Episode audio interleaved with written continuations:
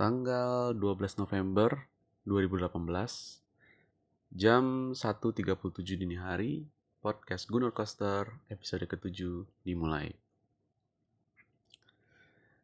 Oke, jadi podcast episode ke-7 ini sejujurnya gua rekam setelah pertandingan Arsenal melawan Wolverhampton yang mana waktu pas gue bikin podcast ini sendiri gue bahkan belum belum bikin rekaman untuk podcast eh yang episode Arsenal lawan Liverpool di Liga Inggris dan Arsenal lawan Sporting Lisbon di Europa League. Um, gue sengaja langsung bikin ini karena ini fresh banget pertandingannya baru banget kayak 10 menit yang lalu selesai dan ah, gue pikir ya langsung aja lah mending gue bikin gitu karena ini banyak banget unek-unek yang pengen gue gua gua sampaikan gitu dan daripada nanti hype dan apa yang lagi gue bikin sekarang ini menghilang jadi langsung gue bikin aja tapi tenang aja uh, ketika kalian sudah bisa mendengarkan episode yang ini uh, episode Arsenal versus Liverpool dan Europa League udah pasti udah ada udah udah sudah tayang lah gitu di di mana-mana lah di SoundCloud di Spotify atau di Apple Podcast atau semua semua media podcast lainnya lah. Gue akan ngekip episode ini sampai gue selesai ngerekam dua episode itu dan gue um, apa namanya gue tayangkan lah dua episode itu. Jadi kalian nggak akan bisa denger ini sampai kedua episode itu uh, selesai gue bikin. Udahlah langsung aja lah berbelit-belit ngomongnya. Langsung ke pertandingan. Uh, langsung kita mulai dari seperti biasa ya tiga segmen. Um, mungkin gue nggak akan ngomongin FPL-nya juga. Nanti gue akan ngomongin FPL-nya di minggu besok aja soalnya um, harusnya gue ngomongin ini waktu pas di pertandingan Liverpool kemarin. Um, ya langsung aja lah kita ke line up, line up pertandingan malam ini. Jadi pertandingan malam ini adalah match week ke 13 kalau nggak salah. Oh nggak sorry ke 12 pertanding game week ke ke-12 di mana Arsenal bermain di kandang sendiri melawan Wolverhampton atau The Wolves. Wolverhampton Wanderers. Arsenal pakai formasi yang sebenarnya menurut gue ini udah full team banget. Gue udah benar-benar optimis kayak ya, easy win lah easy win gitu. Karena juga Wolverhampton secara statistik beberapa pertandingan terakhir kurang oke okay sih mainnya kan. Jadi gue rasa Arsenal harusnya bisa menang mudah gitu. Dan ternyata di pertandingan malam ini Arsenal cuman bisa nahan imbang satu sama dan itu pun harus susah payah banget di menit-menit akhir. Line up-nya malam ini di, di sektor penjaga gawang Berlino tentu saja melihat performa Peter Cech juga masih belum baik dan Berlino juga semakin di sini makin oke okay banget mainnya. Jadi sangat wajar kalau dia ada di bawah Mister Gawang. Kemudian di sisi kanan, Hector Bellerin. Di tengah masih duet Skodran Mustafi dan Rob Holding. Yang mana gue juga melihat ini sangat wajar. Kenapa masih pakai duet ini padahal si Socrates sebenarnya kalau nggak salah fit sih. Dia fit banget. Tapi Rob Holding juga performanya sangat sangat sangat sangat baik beberapa pertandingan terakhir. Jadi wajar dia di tandemkan dengan Mustafi yang seingat gue malah kayaknya Mustafi ini adalah satu-satunya pemain di line up ini yang belum pernah diganti, yang belum pernah terganti, yang tidak tergantikan malah yang selalu main di setiap pertandingan Arsenal di Liga Inggris ya, di Liga Inggris bukan di Europa League. Kalau nggak salah sempat Socrates nggak main apa ya? Atau oh malah kayaknya Mustafi main di seluruh pertandingan ya. Pokoknya gue lupa deh di pertandingan. Kayaknya pokoknya yang gue tahu Mustafi adalah uh, satu-satunya pemain dengan menit dengan menit permainan terbanyak lah di musim ini di seluruh pertandingan. Kemudian di sisi kiri yang biasanya uh, Granit Jaka atau Licksteiner kali ini beruntung kita punya back kiri murni yang tidak bisa dimainkan yaitu Sehat Kolasinac. Uh, kenapa? Sebenarnya sih kalau misalnya uh, melihat dari lini line up-nya harusnya sih gue rasa Unai Emery bakal masukin Licksteiner tapi sayang sekali Licksteiner ternyata itu di pertandingan Europa League kemarin kan sempat cedera uh, akhirnya beruntung juga sih kalau Sinak uh, sudah fit jadi dimainkan di situ. Dan juga bukan Granit Xhaka ditaruh di situ. Sementara di lini tengah duet Lucas Torreira dan Granit Xhaka. Lalu di depan ada Mesut Ozil sebagai kapten juga malam ini, lalu Aubameyang di sisi kiri dan Iwobi di sisi kanan, lalu strikernya Lacazette. Jadi sebenarnya full tim lah, full tim banget ini menurut gua. Nah, sementara di Wolverhampton sendiri juga kalau nggak salah tadi gue dengar komentatornya bilang ini startupnya tidak pernah berubah kalau nggak salah si Wolverhampton ini. Jadi selalu sama di setiap pertandingan. Ya kipernya Patri, Rui Patricio, terus pakai skema per apa skema 3 back ya mereka Willy Boli, Connor Cody, Ryan Bennett. Lalu di lini tengah ada Johnny Castro, Ruben Neves, Joe Moutinho sama Matt Doherty. Di depannya ada Ivan Cavallero, Raul Jimenez sama Helder Costa. Itu di line up-nya.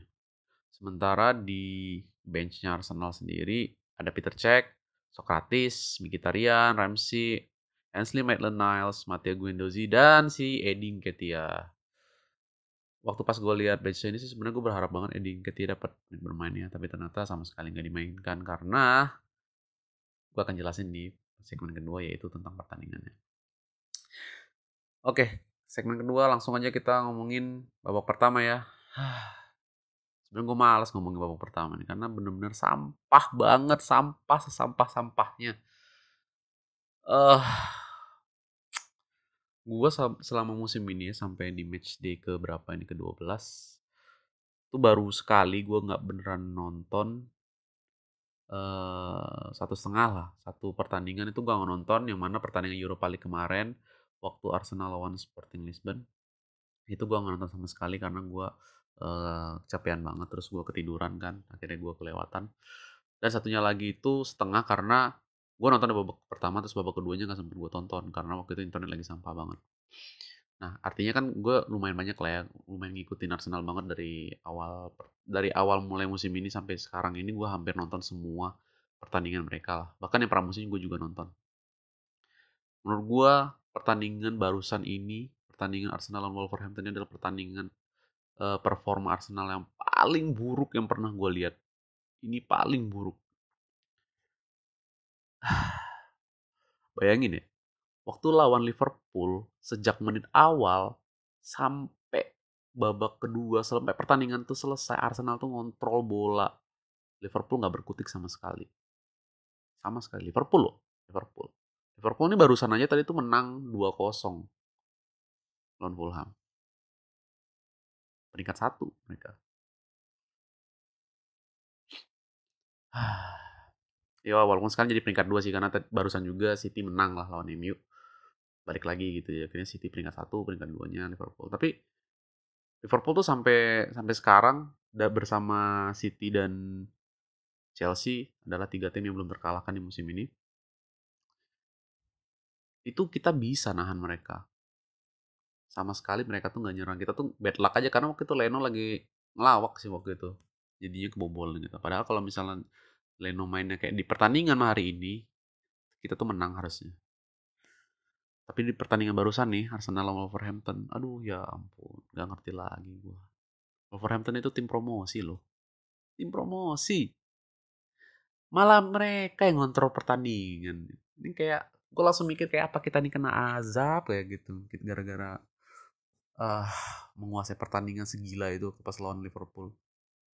Gue jadi ngerti banget sih perasaan fansnya Liverpool di pertandingan yang Arsenal lawan Liverpool kemarin itu.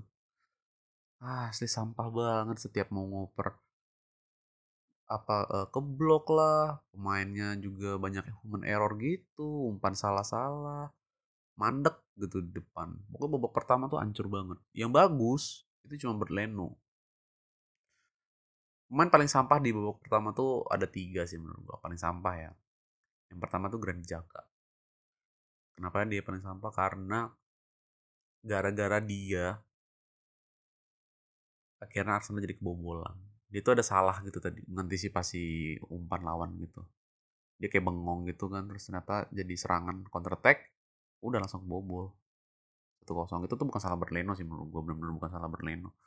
Ya walaupun pada akhirnya uh, dia penjaga gawang yang harus mengamankan tapi kan kalau Granit Jaka bisa menghalau bola itu bisa ya akan lain lah ceritanya gitu. Tapi gara-gara itu tuh kelengahan sangat-sangat lengah gitu. Bener-bener kalau kalau misalnya kalian lihat sendiri cuplikannya nanti tuh pasti kayak pasti sadar lah kenapa gue bisa bilang Granit Xhaka tuh sampah banget. Babak pertama tuh sampah banget Granit Xhaka. Udah gitu selain Granit Xhaka Aubameyang. Aduh Aubameyang, aduh nggak ngerti banget gue. Aduh itu bahkan ya ini karena ini nanti gue akan bahas lah di uh, mungkin mungkin nanti kalian akan dengar lah di pembahasan waktu pas gue ngomongin Arsenal lawan Liverpool. Itu Aubameyang tuh udah jelek banget sih. Beberapa pertandingan terakhir Aubameyang tuh tidak bermain dengan apa ya performa nggak tau sih semenjak awal bulan November ini sampai akhir-akhir Oktober juga udah mulai kelihatan sih agak-agak agak down performance gitu si Aubameyang. Padahal dia top scorer Arsenal loh. Top scorer Arsenal tapi mainnya akhir-akhir ini lagi jelek banget gitu. Seharusnya ya kan maksudnya kalau misalnya Lacazette lagi tidak on fire Aubameyang bisa menggantikan gitu. Nah ini Aubameyang yang diharapkan benar-benar bisa membawa dampak malah lempem ini gitu. Dan selain Aubameyang Lacazette juga mainnya kurang oke. Okay. yang mana dari tiga pemain tadi yang ketiga itu sih Lacazette menurut gue Lacazette aduh kayak ya gue mungkin gue rasa sih kalau Lacazette ya kalau Lacazette menurut gue kesalahan nggak murni ada di dia. Karena e, sebagai penyerang tengah dia harus berhadapan dengan backnya e, Wolverhampton yang mana harus gue akui juga permainan backnya Wolverhampton tuh bener-bener bagus banget bener-bener nutup pertahan uh, bukan pertahanan bener-bener nutup semua pola serangan Arsenal gitu loh. Bola tuh nggak sampai ke Lacazette malah gitu. gue masih bisa agak memaafkan Lacazette karena ya itu tadi bola tuh emang nggak sampai ke dia. Tapi kalau buat Aubameyang tuh, aduh, harusnya karena dia kan ditaruhnya di sayap nih, harusnya dia yang ngebuka ruang. Tapi malam ini ya ampun, lempem banget itu gampang banget dijaga gitu. Dan bola tuh sering lepas gitu. Bahkan tidak begitu mengancam di babak pertama tuh sampah banget. Pokoknya hampir semua pemain Arsenal cuman Leno dan Torreira menurut gua. Oh sama Rob Holding ding. Itu bagus banget mainnya. Rob Holding, Torreira, Leno itu tiga pemain yang paling bagus pemainnya menurut gue di babak pertama. Yang kalau kalau boleh satu lagi gue sebutin sih Mustafi lah. Mustafi, Leno. Pokoknya dua back tengah Arsenal hari ini bagus banget mainnya. Leno juga bagus, Torreira juga bagus. Yang biasa-biasa aja tuh Bellerin sama Ozil tuh biasa-biasa aja si Kolasinac juga biasa-biasa aja itu babak pertama tuh pokoknya hancur banget terus akhirnya kita kebobol kebobolnya tuh juga baru menit-menit awal kalau nggak salah itu menit ke-13 udah kebobolan coba keselin banget gitu. Ketika kita ketika gue berharap bahwa akan apa easy easy win gitulah. Apalagi ngelihat performa di Liverpool kemarin karena jadi optimis gue gitu. Karena semua orang waktu itu memprediksi Arsenal bakalan sampah gitu lah mainnya bakalan dibantai habis gitu. Ternyata kita malah bener-bener ngontrol permainan banget gitu. Sampai uh, ya harusnya kita menang gitu. Cuma karena waktu itu Leno lagi nggak bagus banget jadinya seri gitu loh. Nah itu di babak pertama sampah banget lah. Kita langsung lanjut aja lah ke babak kedua ini. Pokoknya episode yang ini gue cuma pengen ngoceh-ngoceh aja lah gitu. Pengen marah-marah aja gue, gue pengen menumpahkan kekesalan gue nonton ini daripada gue apa lebih baik lah gue gue sampaikan di podcast ini aja lah gitu sebagai media gue berkeluh kesah asik.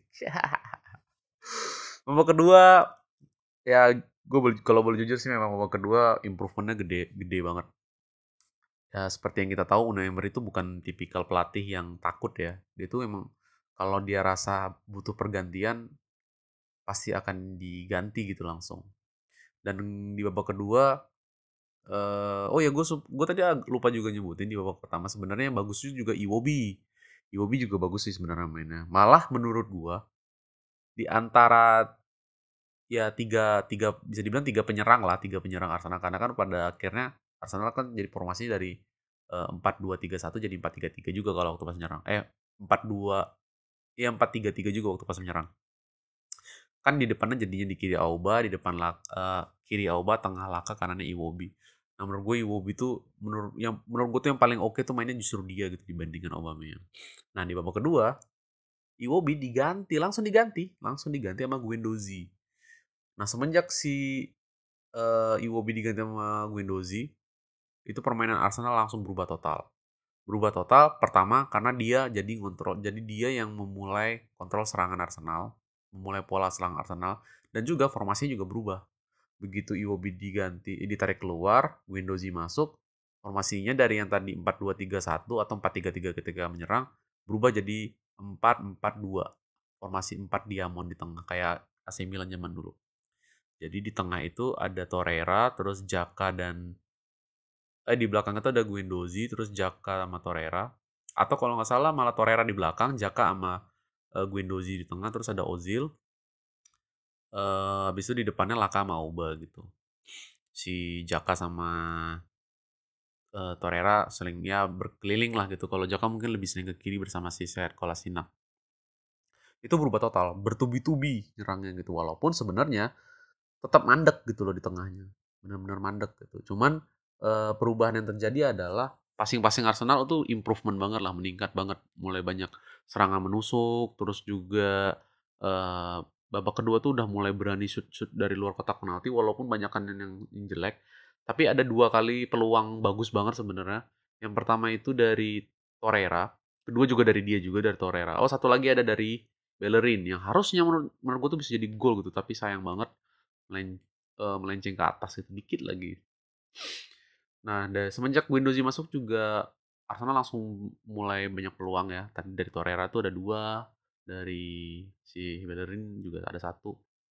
Nah, si Auba meskipun babak pertama sampah, babak kedua sebenarnya dia punya peluang bagus banget yang harusnya itu tuh jadi gol. Tapi kena tiang, ya Allah. Itu memang bad luck sih. Gue gue gue bilang selain emang permainan Arsenal jelek, emang bad luck sih. Lagi gak hoki banget itu.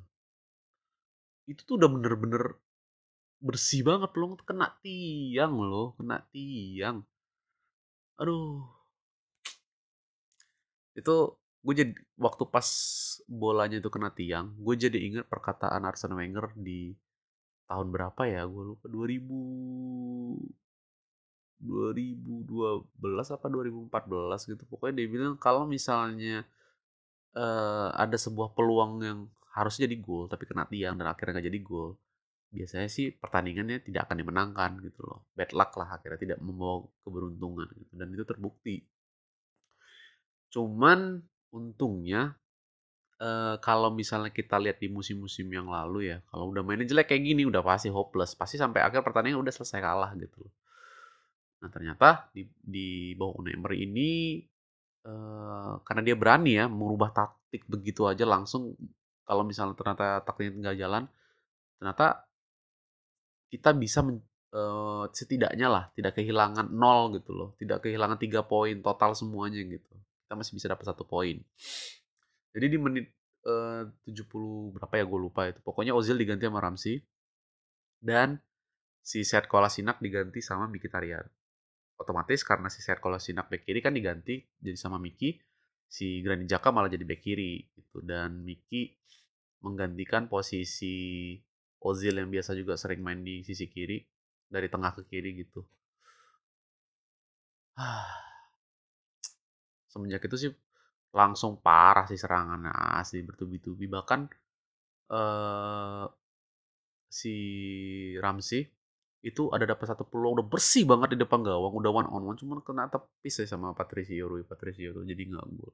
Nah untungnya di menit 86 itu tuh ya somehow ya waktu meskipun meskipun bad luck segala macam gitu entah kenapa sih kalau di bawah Emery gue tuh masih ada sedikit harapan gitu loh secerca harapan untuk merasa yakin bahwa pasti masih ini bisa bisa jadi gol gitu dan itu terbukti ternyata gitu selalu aja kayak gitu gue sama waktu kayak waktu lawan Liverpool tuh juga meskipun kelihatannya kita kalah tapi gue kayak ada sedikit perasaan bahwa ini pasti kita bisa cetak gol gitu nggak kalah nggak ini pertandingan malam ini gitu. Dan benar gitu uh, si Mkhitaryan ketika dia mau crossing ternyata crossingan itu ngelewat semua pemain dan masuk di pojok gawang. Ya akhirnya jadi satu sama gitu. Cuman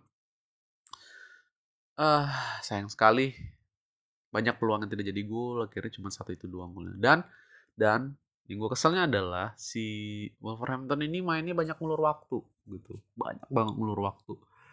Dan dan dan yang gue kesel tuh karena udah udah banyak ngulur waktu gitu penambahan waktunya juga cuma lima menit gitu. Padahal kalau di total total tuh kata gue bisa tujuh menit lebih loh itu harusnya. Cuma lima menit itu bahkan waktu pas ada tulisan yang apa penambahan waktu itu notifikasi penambahan waktu dari wasit yang di pinggir lapangan itu sih pemain Wolverhamptonnya lagi ngulur waktu sekitar 1-2 menit gitu. Itu gue kayak nggak ngerti lagi sih udah strateginya tuh udah parah banget kayak gini. Dan di babak kedua uh, gue nggak bisa bilang ada pemain yang jelek sih. Cuman kalau disuruh pilih uh, jadi semua pemain Arsenal di babak kedua tuh sejujurnya emang meningkat pesat permainannya. Tapi kalau memang disuruh pilih siapa yang paling buruk di babak kedua gue bilang Aubameyang sih tetap Aubameyang bahkan Jaka yang tadinya paling jelek di babak pertama di babak kedua tuh bener-bener improve banget mainnya bener-bener jadi bagus banget gitu. Dia kayak bertanggung jawab lah gitu. Dan Lacazette juga bagus karena dia ngebuka ruang. Dia bahkan turun ke belakang tuh jauh banget gitu. Cuman Aubameyang doang yang menurut gue yang aduh bapuk banget entah kenapa deh. Kayak agak-agak males gitu sih gue ngelihatnya entah karena dia dijaga banget atau emang karena dia lagi kayaknya kecapek bisa jadi kecapean juga sih. Karena kan di waktu pas di hari Jumat kemarin si Danny Welbeck kan cedera ya waktu pas dimainin terus akhirnya dia digantiin sama Aubameyang gitu. Nah, gue rasa sih Aubameyang juga kecapean nih feeling gue. Feeling gue dia kecapean jadi performa gak maksimal gitu. Sementara Lacazette kan uh, kayaknya gue gue gue belum lihat sih tapi kayaknya dia lebih fit lah gitu dibandingkan Aubameyang akhirnya jadi mainnya bisa lebih bagus gitu. Nah di babak kedua semuanya mainnya bagus cuman itu tadi emang Wolverhamptonnya juga defense-nya juga gokil mereka bener-bener bisa menerkam taktik yang menghancurkan passing-passing Arsenal gitu. Kita tuh beruntung banget bisa dapat satu poin di pertandingan sejelek ini nih. Wah, gue tidak kepikir gitu lah. Karena gue udah pesimis banget sebenarnya gitu. Ter paling paling yang gue pikir tuh kayak kita bisa nyetak gol sih, kita bisa nyetak gol gitu dan memang ternyata nyetak gol gitu. Dan itu pun setelah nyetak gol, sebenarnya kita tuh diserang di, ada satu peluang Wolverhampton yang banget jadi gol tapi karena emang berleno mainnya luar biasa sih. Wah gila nih pemain. Gue sampai mikir kayak kenapa lah kemarin waktu lawan Liverpool dia nggak kayak gini gitu performanya nggak ngelawak coba? Wah gila banget keren banget loh peluang itu. Dia bak ada di babak pertama. Itu nangkep bola terus sampai ke sepak gitu loh kalau nggak salah. Untung nggak nggak nggak sampai cedera sih gitu cuman memang ya dia terkenal waktu pas di Bundesliga di Bundesliga juga kayak gitu sih kiper yang berani gitu loh. Dan dia baru nunjukin performa yang kayak gitu kayak gitu tuh di di pertandingan ini gitu yang bikin gue yakin bahwa kayaknya Peter Cech akan susah sih untuk bisa masuk ke starting line up lagi. Kecuali kayak di Europa League atau kayak di Carabao gitu-gitu. Tapi kalau untuk di EPL sih cuman cedera sih yang akan bisa menggantikan Berleno jadi ah, gue berharap sih Berlino akan seperti ini terus permainannya dan pemain-pemain yang lain uh, bisa bisa bisa segera berubah lah gitu. Oh ya, gue juga menyesalkan Edin Ketia akhirnya nggak jadi masuk ya. Padahal feeling gue tuh kalau misalnya kalau gue tuh berharap kalau misalnya oh udah menang 2-0 atau 1-0 gitu terus kayak si Ketia dikasih Ih barang-barang 5 menit 10 menit kan lumayan namanya pemain muda gitu. Setidaknya dia merasakan atmosfer pertandingan, dia tahu bahwa intensitasnya tuh seperti apa gitu di, di dalam kandang sendiri dengan penonton sebanyak itu gitu loh. Dia pernah merasakan hype-nya segede gitu waktu pas di musim kemarin kan waktu lawan Norwich yang dia nyetak tiba-tiba nyetak dua gol itu. Nah gue pengen dia tuh benar-benar dikasih kesempatan yang proper gitu loh. Karena dia ini cerah sekali sebenarnya masa depan. Dia tuh bagus sekali gitu. Jangan sampai uh, ya kalau bukan jangan sampai sih. Maksudnya kalau bisa sih dia tuh kayak Res Nelson gitu. Res Nelson tuh sekarang lagi on fire banget tuh dia main di di Jerman. Kemarin nyetak gol lagi. Udah kayaknya setiap dia main tuh nyetak gol nyetak gol mulu gitu loh Res Nelson dan juga uh, teman dia juga yang orang Inggris orang Inggris yang main di Dortmund si Jadon Sancho kan juga bagus banget tuh. Jadi gue tuh pengen ada pemain Inggris lain lagi yang dari Arsenal apalagi gitu loh. Yang bisa bersinar di musim ini gitu, yang bisa dijadikan pengganti atau striker Arsenal gitu. Karena kan Arsenal klub Inggris nih.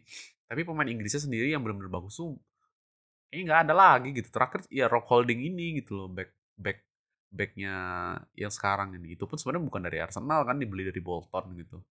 Nah gue pengen Reece Nelson, Eddie Nketiah yang dari akademi lah gitu. Walaupun Nketiah juga sebenarnya awalnya kan dari akademi Chelsea terus ditarik ke Arsenal gitu. Tapi setidaknya memang dari Arsenal gitu. Udah lama di Arsenal. Nah gue berharap sebenarnya kayak gitu. Nketiah dikasih perlu dikasih menit bermain lah. Tapi ya karena bapuk gitu ya terpaksa mungkin Emery, Emery juga apa dia kan tipe yang kalau misalnya ganti pemain ya berdasarkan situasi di lapangan gitu.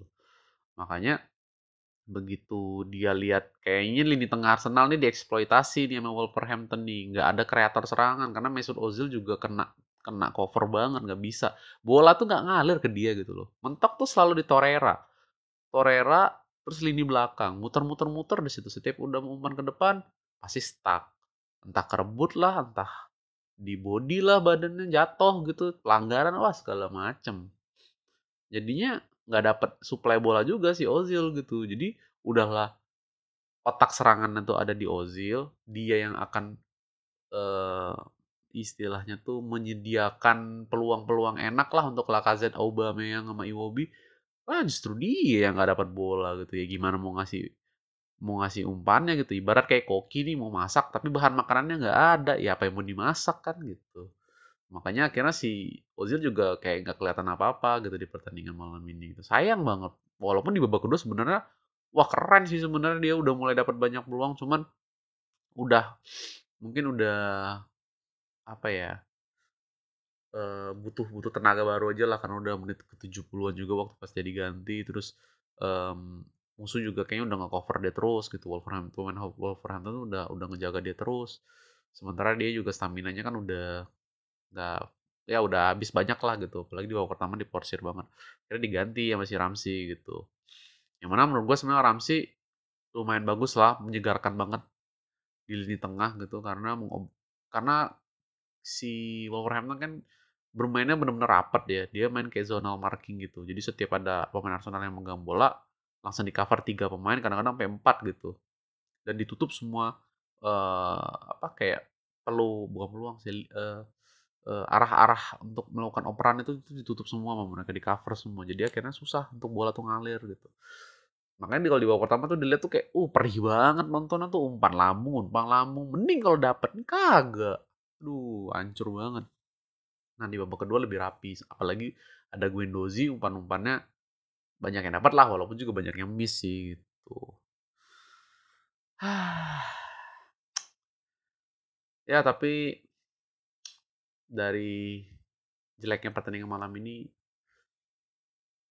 setelah gua ngoceh-ngoceh kesel-kesel kayak gini ada beberapa poin lah ada tadi yang sempat gua tweet juga ada tiga poin sih setidaknya yang bisa kita syukuri lah dari pertandingan ini yang pertama bahwa Berleno akhirnya menunjukkan kelas dia sebagaimana yang kita harapkan dari seorang kiper yang emang kita udah lama banget nggak punya kayak dia gitu. Kan kalau terakhir kiper legendaris kita kan Jens Lehmann ya si gila itu. Si gila ya satu-satunya orang yang berani marah-marahin pemain yang paling agung di Arsenal pada masa itu si Thierry Henry. Nah Jens Lehmann kita udah gak pernah lagi punya pemain yang gitu. Ya bayangkan abis Jens Lehmann pengganti siapa Almunia. Aduh Almunia. Abis itu diganti sama uh, pertama Fabianski dulu. Fabianski udah mulai Fabianski waktu itu sering blunder-blunder juga terus akhirnya Chesney ya kan Chesney habis itu beberapa tahun Chesney permainan kurang stabil terus juga Fabianski kurang stabil. Habis itu uh, nunggu agak berapa lama akhirnya Chesney udah mulai oke. Okay. eh malah dipinjemin. Peter Cech masuk. Kita kira Peter Cech bakalan seepik waktu pas dia di Chelsea kan. Awal-awal sih kelihatan menjanjikan sampai akhirnya dia nggak bisa nepis penalti. Berapa boh berapa berapa kali ya dapat penalti Arsenal? Baru cuma sekali lo bisa ditepis. Itu pun musim kemarin tuh lawan Watford. Itu. Si Peter Cech bisa nepis penalti. Selebihnya wah banyak banget kehilangan poin kita gara-gara Peter Cech nah Berleno ini harapan kita gitu loh semoga ya gua sih nggak akan muluk-muluk lah di musim ini bisa masuk empat besar tuh udah sangat-sangat hebat lah gitu. Bahkan di Eropa League aja gue nggak target juara sih. Maksimal empat masih maksimal masuk final aja udah wah udah hebat itu. Hebat banget kalau udah bisa masuk final. Makanya soalnya kalau udah masuk ini kan sekarang udah mau masuk 32 besar ya. 32 besar tuh kan udah ada banyak klub dari yang peringkat tiga dari Liga Champions juga kan, yang mana biasanya juga ada klub-klub yang kuat gitu loh. Contohnya kayak ya meskipun gua benci banget untuk mengakuinya tapi ya mau bagaimana lagi gitu emang Tottenham kalau dari segi kualitas pemain sih emang lebih bagus sih sekarang sih menurut gua lebih lebih minimal setara ya gue nggak mau bilang lebih hebat lah setara lah dengan Arsenal saat ini gitu bisa bisa bisa bertanding gitu ya klasemen itu tidak berbohong lah klasemen bertanding klasemen di Liga Inggris itu bahwa yang Tottenham di atas Arsenal sekarang gitu loh. Bahkan udah dari dua musim yang lalu gitu. Mereka punya penyerang gila backnya bagus kipernya mantep gelandangnya juga solid semua. Bandingin Arsenal aduh ya baru mulai lah baru mulai berkembang lah Arsenal gitu.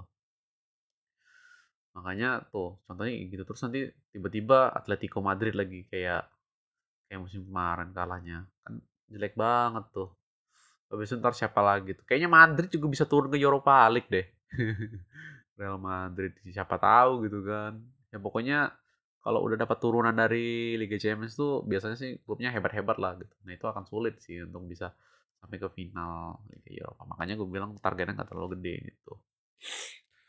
Nah, gue berharap setelah pertandingan ini sih next uh, nah Emery udah udah punya planning nih pemain-pemain mana yang harus dia udah siapin, mana yang harus dibuang, mana harus dibeli supaya musim ini nggak apa-apa.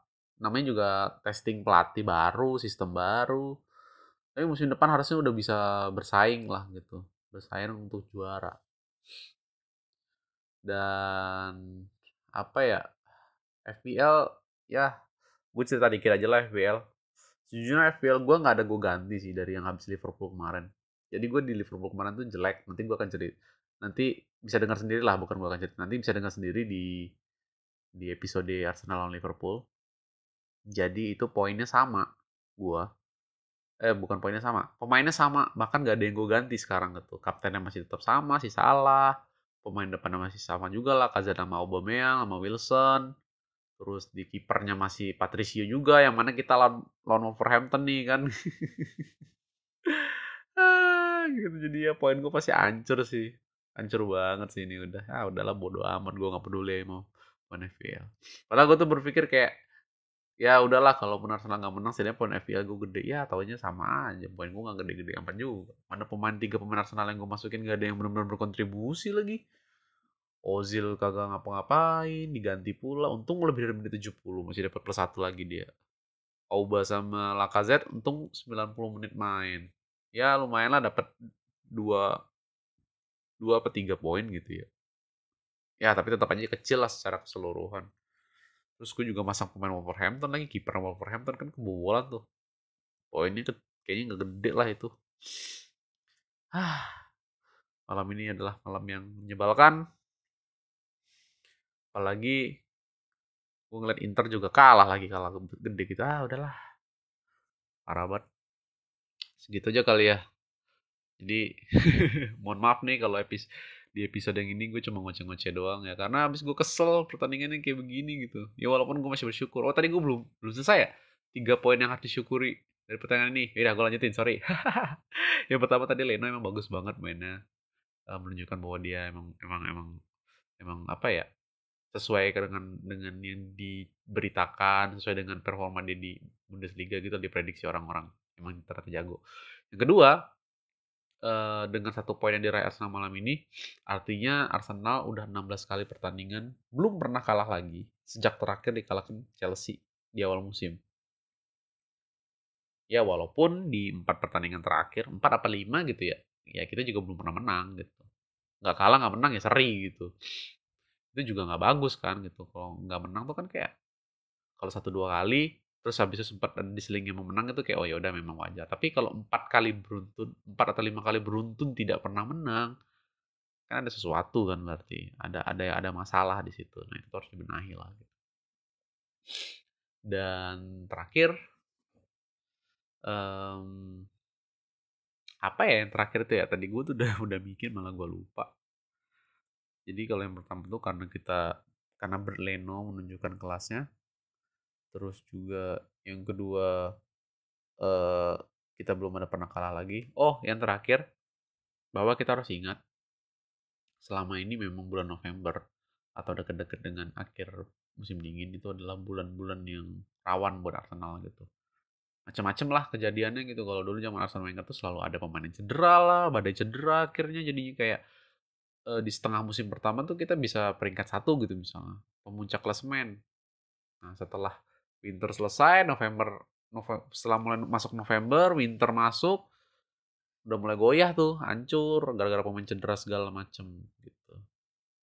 Nah, Arsenal dengan permainannya sejelek tadi, seancur-ancur tadi, masih bisa nyuri satu poin, meskipun di kandang sendiri ya, walaupun hitungan tuh kalah sih sebenarnya.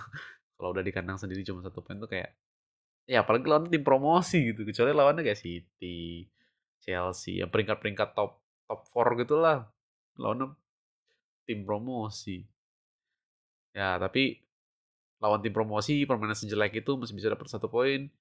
Ya agak berat gue bilangnya tapi bisa dibilang setara dengan tiga poin lah gitu. Karena kalau di musim sebelum sebelumnya kalau udah main jelek kayak gitu udah pasti kalah udah nggak ada harapan lagi nggak usah nonton ngabis ngabisin kuota doang. Bisa ngeliat satu poin udah hebat lah gitu. Udah salut lah gue juga gue juga kayak ya oke okay lah nggak kalah sih. Tapi juga udah banyak nggak menang ini kan bahaya ya. Gitu. Jadi gue gua tak nggak tahu lah bagaimana nih kelanjutannya. Gue sih berharap karena gue sayang sama Arsenal gue gue pengen Arsenal tuh sukses. Gue berharap bisa oke okay lah pertandingan berikutnya. Kita ngelawan kalau nggak salah ngelawan Bournemouth sih yang mana Bournemouth sendiri juga sebenarnya lagi on fire meskipun kemarin lawan uh, apa lawan Newcastle kalah sih. gitu. Oke.